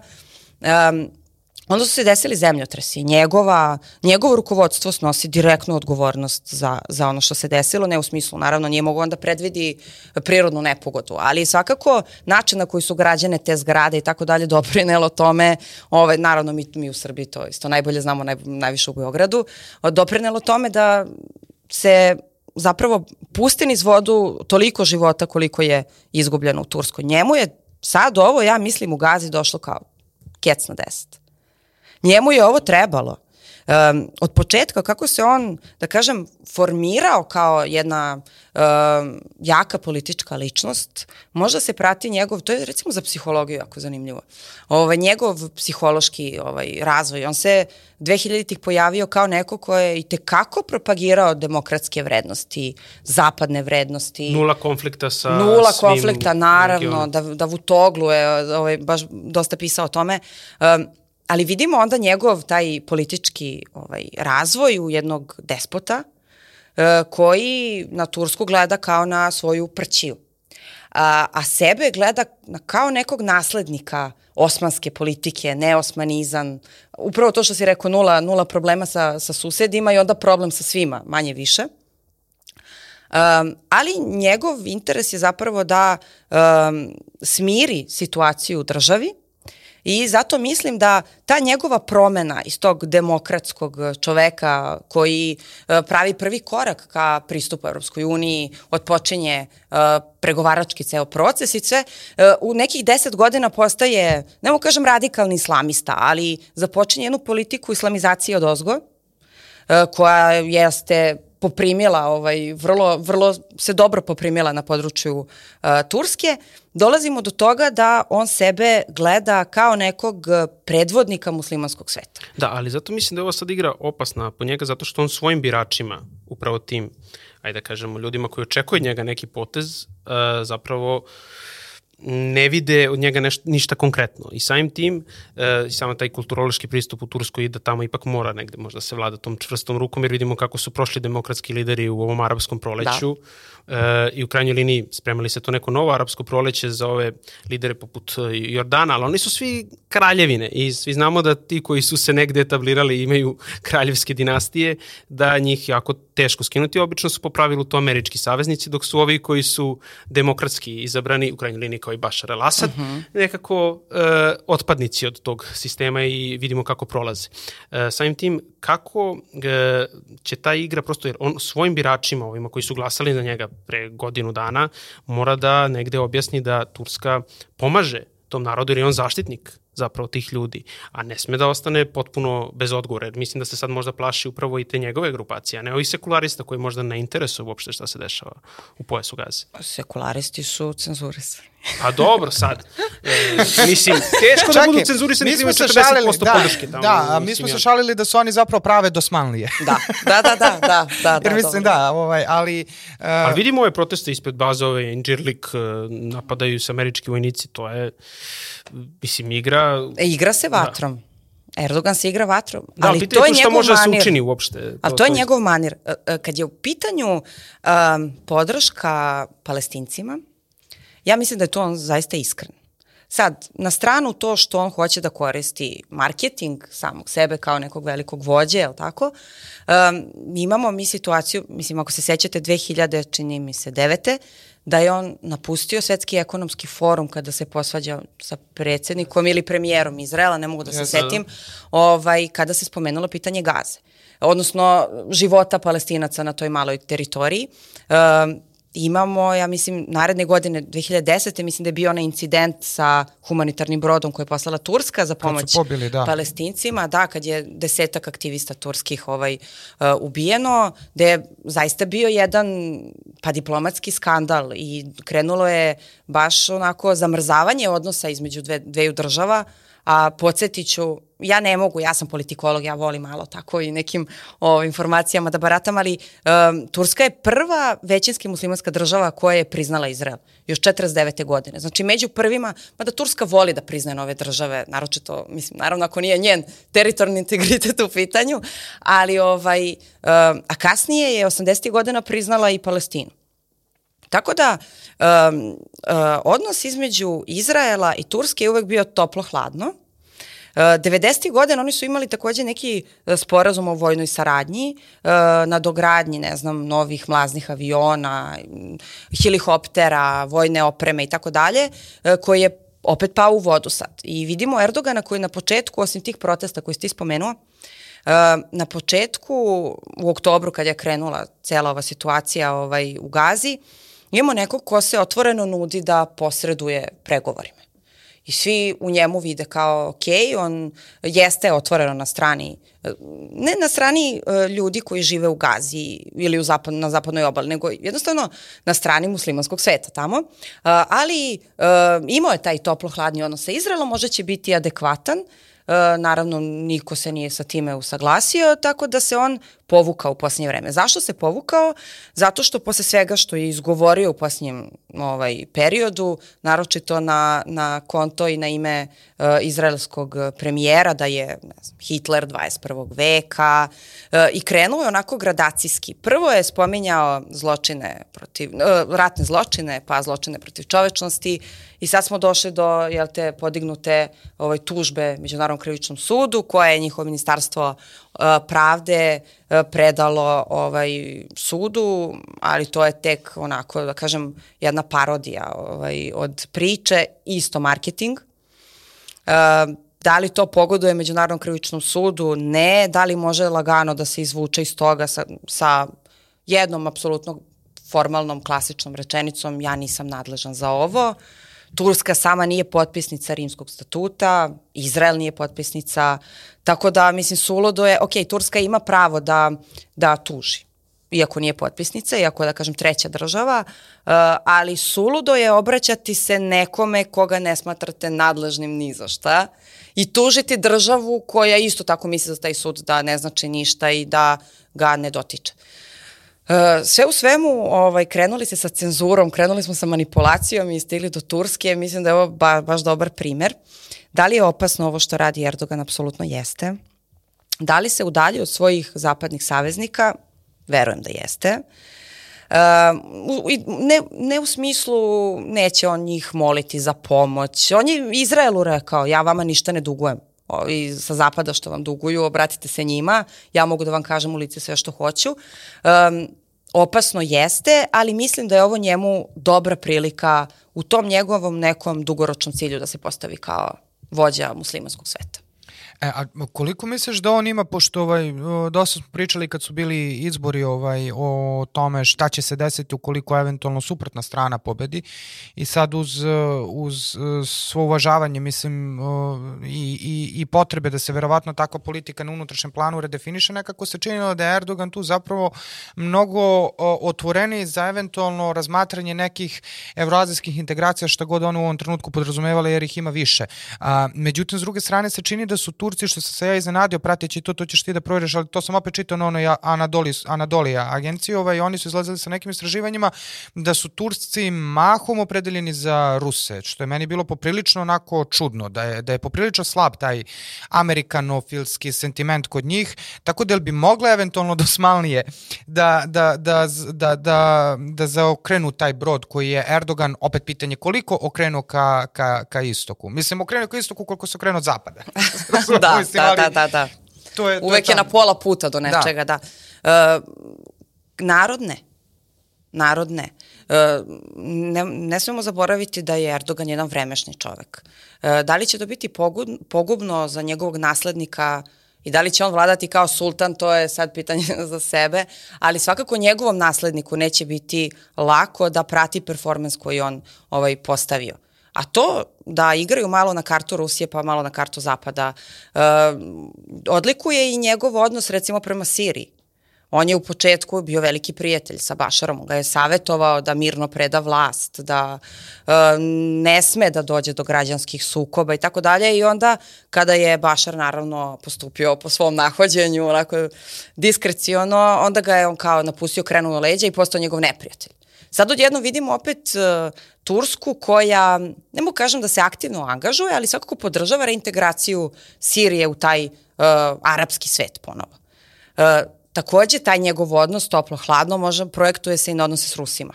Znate, 2015. godina pokušaj atentata na diplomatskog predstavnika, pa onda imamo onaj avion i tako dalje. Um, ali um, Rusija je značajnija Turskoj ne u vojnom smislu, ali u svim drugim ovaj, sferama je značajnija i u ekonomskom i tako dalje. E, tako da mislim da što se tiče e, Rusije, rađa se taj neki osjećaj. Ja to ne mogu sad, e, nisam bila da intervjuišem ove ljude u Turskoj, ali svakako po medijima mogu da vidim taj neki rusofilski osjećaj koji je nekako, ako sad uzmemo celo, celo, celo ovaj kontekst, uh, Erdogan koji je na strani, jel te, naravno muslimana, palestinaca, koji odjednom se brine za zaštitu ljudskih prava, kao, da? I vidimo ovaj, uh, isto, istovremeno Erdogana koji se predstavlja kao prijatelj ovaj, Rusije, kao mali Putinovac. Mada i jesu ga predstavljali on, pa ovaj, tako druge vođe sa ovih prostora. Um, Molim te, hoćeš da mi ponoviš pitanje, sad sam se ovaj, ne, spetljala da li imaju, sama Da li dosmalnije, to je da li opozicija, ajde neću više da ih zovem dosmalije, da li opozicija, ali stvarno je tako kolokvijalno ovaj, e, doletelo, da li, da li opozicija u Turskoj može zapravo, ukoliko bi smakla Erdogana da okrene, da nekako promeni i kurs u javnom mnjenju ka zapadu, više da usmire, jer se čini da je javno mnjenje poprilično pro rusofilsku Turskoj? Uh, Ili jednostavno Turska ne može bez Rusije, pa ne smiju ni da se igraju sa tim? Pa ja mislim da je, mislim, njegov, njihov geostrateški položaj, ono sad kao ptica na grani, je stvarno takav, kao i naš, da je mnogo teško predeliti se za jednu ili za drugu stranu. Da li su im Amerikanci baš pri srcu? Nisu. Verujem da u tom nekom smislu ovaj, su im Rusi čak i bliži. Uh, jedini, uh, jedina razlika mislim jedina. Jedine dve razlike između velikog uh, oca nacije Ataturka i ovaj i Erdogana je u tome što je ovaj naravno propagirao zapadne vrednosti, sekularizam i tako dalje. I video zapad kao njihove saveznike. Uh, a u ovom, mogu reći slobodno, 20-godišnje, možda i malo jačem, uh, njegovoj političkoj Erdoganovoj karijeri, možemo, vidjeti, možemo videti da je on nekako više čovek istoka koliko god uh, on, jel te, pokušava da se približi Americi, naravno iz apsolutno bezbednostnih uh, razloga, uh, on za razliku od uh, Kemal Ataturka je čovek koji hoće da bude ovaj, prepoznat na istoku kao čovek od poverenja. E sad, ovom, ovom njegovom dihotomom politikom hoće malo vamo, hoće malo tamo, da li stvara poverenje, da li može imati zaista saveznike na terenu, to je već drugo pitanje. I kako tumačiš ove sad poruke onda iz Rijada sa ovog tog arapsko-islamskog skupa, e, negde Iran i Saudijska Arabija su se našli opet za istim stolom posle koliko godina i svega što je potpuno bilo načekivano. Asad je došao, kao što, si, kao što si rekla, i vraćanje u tu arapsku porodicu naroda. Jesu li to ipak velike promene, koliko god se sad očekivalo neke tu drastične možda zaključci i, i očekivao se možda ne znam kakva reakcija e, zajednička islamsko-arapskog sveta, ali koliko je zapravo to e, promena u odnosu na prethodnih pa prethodni ceo vek da svi ti lideri tih zemalja zapravo sednu za isti sto? Pa jeste promena. E, arapski svet je poslednjih, ne znam, nekoliko decenija uh, pokušavao da se drži zajedno, ali nekako to nije išlo ovaj, za rukom i oni su međusobno podeljeni. Ašiti, uh, suniti i tako dalje. Uh, jednostavno, uh, mislim da je ovo presedan, ali mislim da je dobro da se jednostavno pokaže jedinstvo. E, Erdogan je imao, ovaj, apropo sedanja za, zajed, za istim stolom, ovaj, rekao Zapadu otvoreno da smire strasti, jer oni to opet hoće rat, krsta i polumeseca. Um, Koliko je dobro za hrišćanski svet, ne znam, nisam, nisam kompetentna da procenim. A koliko je dobro za njihove interese, dobro je. Ako uh, vidimo za zajedničkim stolom Saudijsku Arabiju Iran koji su zakleti neprijatelji koji dan danas imaju problem u Jemenu. Jedni podržavaju Huteovi, ne.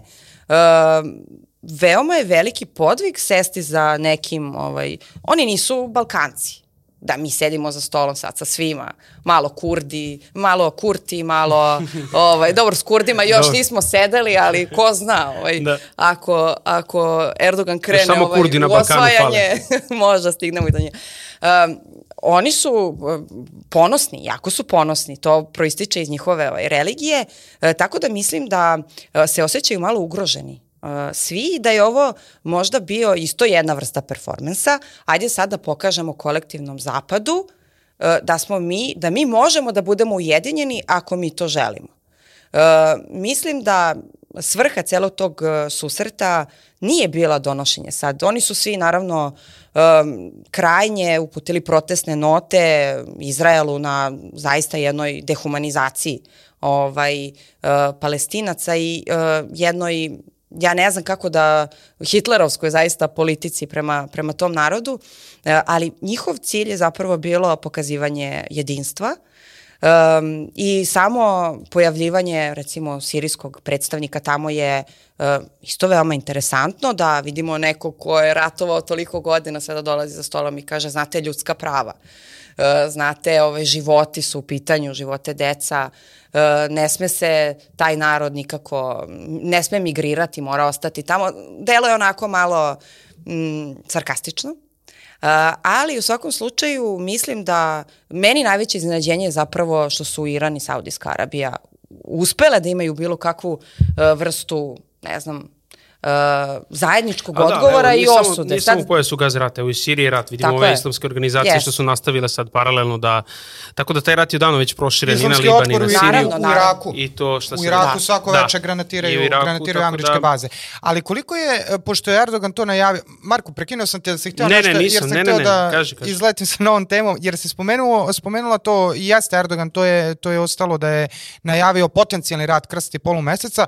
E, koliko je onda na tom tragu bitna negde ova kako bih rekao, ruska unutrašnja diplomatija, gde se čini da zapravo, evo, sad je u planu izgradnja velike, najveće džamije zapravo u Moskvi, Kadirov je, ukoliko ne de facto, ovaj, de jure, ono sigurno postoje, nije institucionalizovana njegovo prisustvo u Rusiji, ali on jeste dosta jako propagandno prisutan i idejno, ideološki ovaj, u Rusiji, predstavljanju tog unutrašnjeg ruskog jedinstva. Ovaj, koliko je bitan taj ruski pristup i kada kaže to Erdogan, da li misliš da misli na, da li pod taj krst uključuje i Ruse, nas, ne znam, mislim, generalno ove koji nose pravoslavni krst? Uh, I koliko je zapravo prisutna ta svest? Je prisutna ta svest, eto, među islamskim, među islamskim zemljama u Turskoj, pošto se najviše bavila Turskoj, je prave oni tu razliku između krstaša i nekrstaša?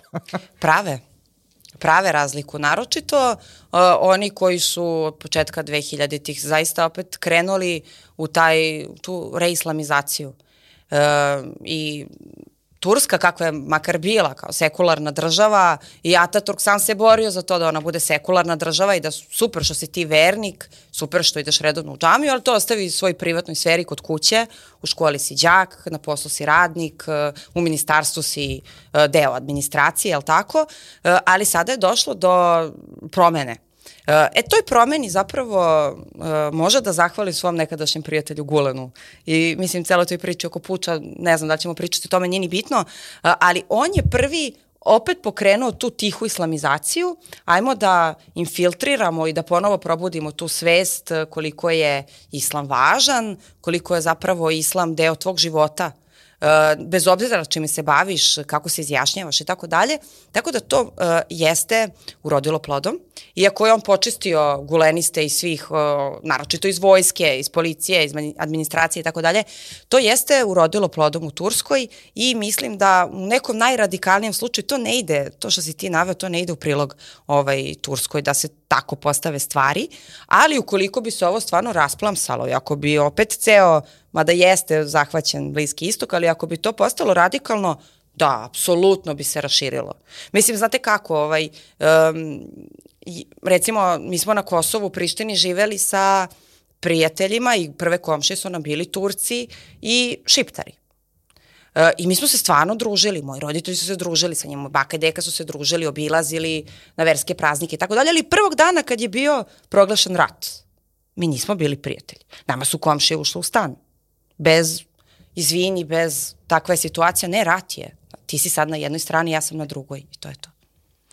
Tako da u nekom najradikalnijem scenariju to može da se desi, da su svi hrišćani jednako krst, svi muslimani su polumesec i tu da se napravi jedna, da kažem, onako linija da. konfrontirajuća. Dobro, ćemo polako onda da završamo kraju, da. da. Naša tri pitanja za kraj. uh, ajde da krenemo sa tri blic pitanja. Da imaš uh, vremeplov, ovaj, šta bi promenilo u istoriji ili koju bi, koju bi istorijsku ličnost voljela da upoznaš? Šta bih promenila u istoriji? Da. Pa prvo što mi je palo na pamet, osjećam se kao ono kod psihologa, pa kao reci mi šta ti je prva asocijacija na mesec. da, da, da. Ovaj, šta bih, pa nikad ne bih dozvolila da nastane Jugoslavija kraljevina pa nadalje. To smo, to, smo, ne, to, to, to, to, to pitanje ćemo, to, da odgovor da na to pitanje ćemo banovati. Kao ovo što su nas. Što su Mi sprovodimo cenzuru. Ne može. Kaže, čuvajte mi Jugoslaviju. Šalim se, ne. ne, nego bilo je previše odgovora. Dobro, ovaj, ne, ne, da, ne, svakako nisam, legitimno. Nisam, nisam za to kao sad veliko srpski interes i sve to, samo jednostavno ne bih tu nakaradnu ovaj, tvorevinu nikad dozvolila da, da, da se stvori Uh, dala bih ja Hrvatima državu. Evo vam država, radite s njom šta hoćete, ali nemojte da budemo u istoj državi, ne zato što se mrzimo, nego jednostavno bolje da budemo susedi nego da budemo ovaj, zajedno, jer se to svaki put pretvori u krvoproliće. Dobro susjedski odnos. Dobro susjedski, da, tako je. Uh, recimo, eto, to bih. A koju bih poznatu uh, istorijsku ličnost želela da upoznam? Možda Katarinu Veliku. Deluje mi moćno. Deluje mi moćno, opet žena u tom periodu na tako moćnoj poziciji, u tako velikim bitkama, to mi deluje onako baš. Jeste. Hot. Ne zove, pa kad Rusi nekog ne zovu velika, tako da, da. Ovaj, ako neko zna šta je veliko. tako da ja sad smišljam kako ovo drugo pitanje, s obzirom ovaj, da nam je bilo vezano za YouTube i za to šta, šta bi da, volili da budemo najgledanije. Da, moramo da preformulišemo zapravo nekako. Mada, Da, uglavnom bilo je pitanje šta bi, šta bi volela da vidiš e, na YouTube-u, tom čuvenom koji je nas banao ili gde već, da bude nekako popularno, da bude najgledanije u Srbiji, da bi rekla ovo je pokazatelj nekih dobrih trendova i sad treba da kažeš naravno nas koji smo zabranjeni, ali može da kažeš naravno šta god drugo.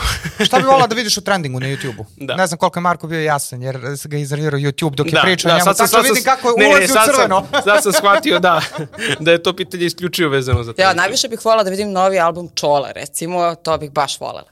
Ali ovako, da, ovog čoveče, karaktera... kad on je objavio Nije ništa? dugo.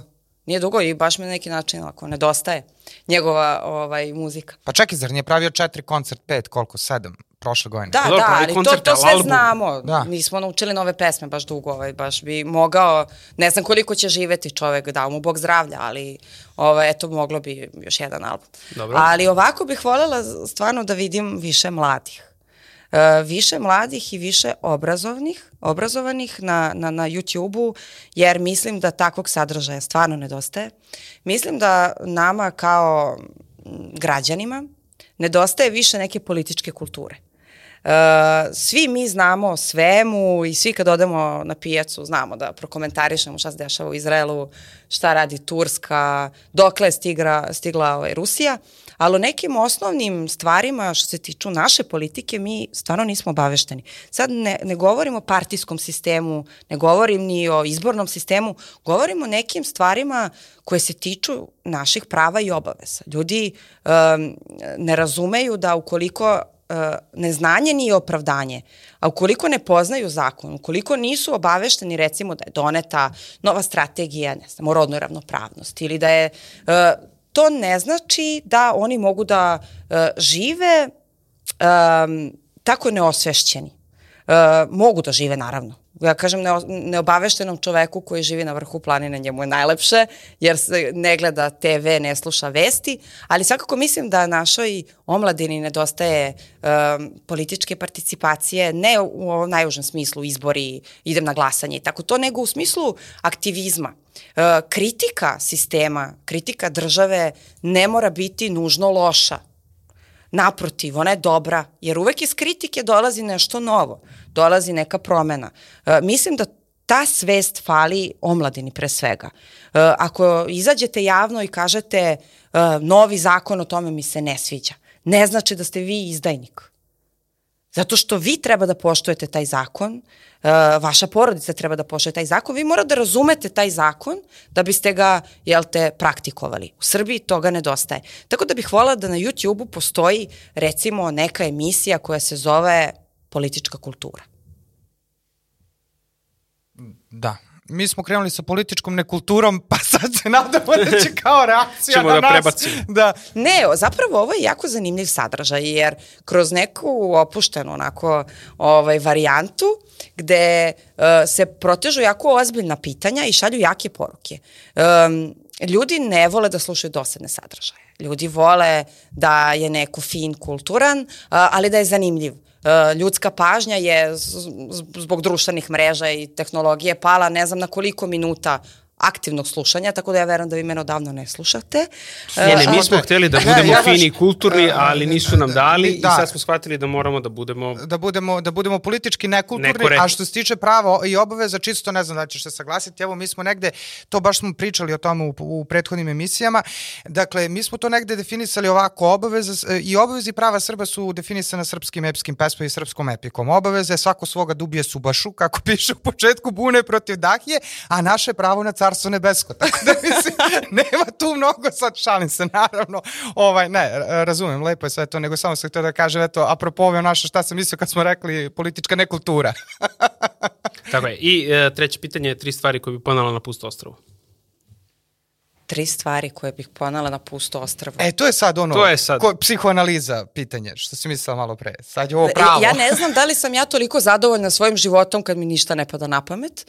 Uh, ili toliko želim odlazak na pusto ostrvo da bih odmah otišla bez ičega ovaj u ruci. Ali svakako na pusto ostrvo ukrštene reči, Dobro. ali onako pozamašan. Ovaj, Puno su dokua. Da, da, da, da, kolekciju. To bih volela.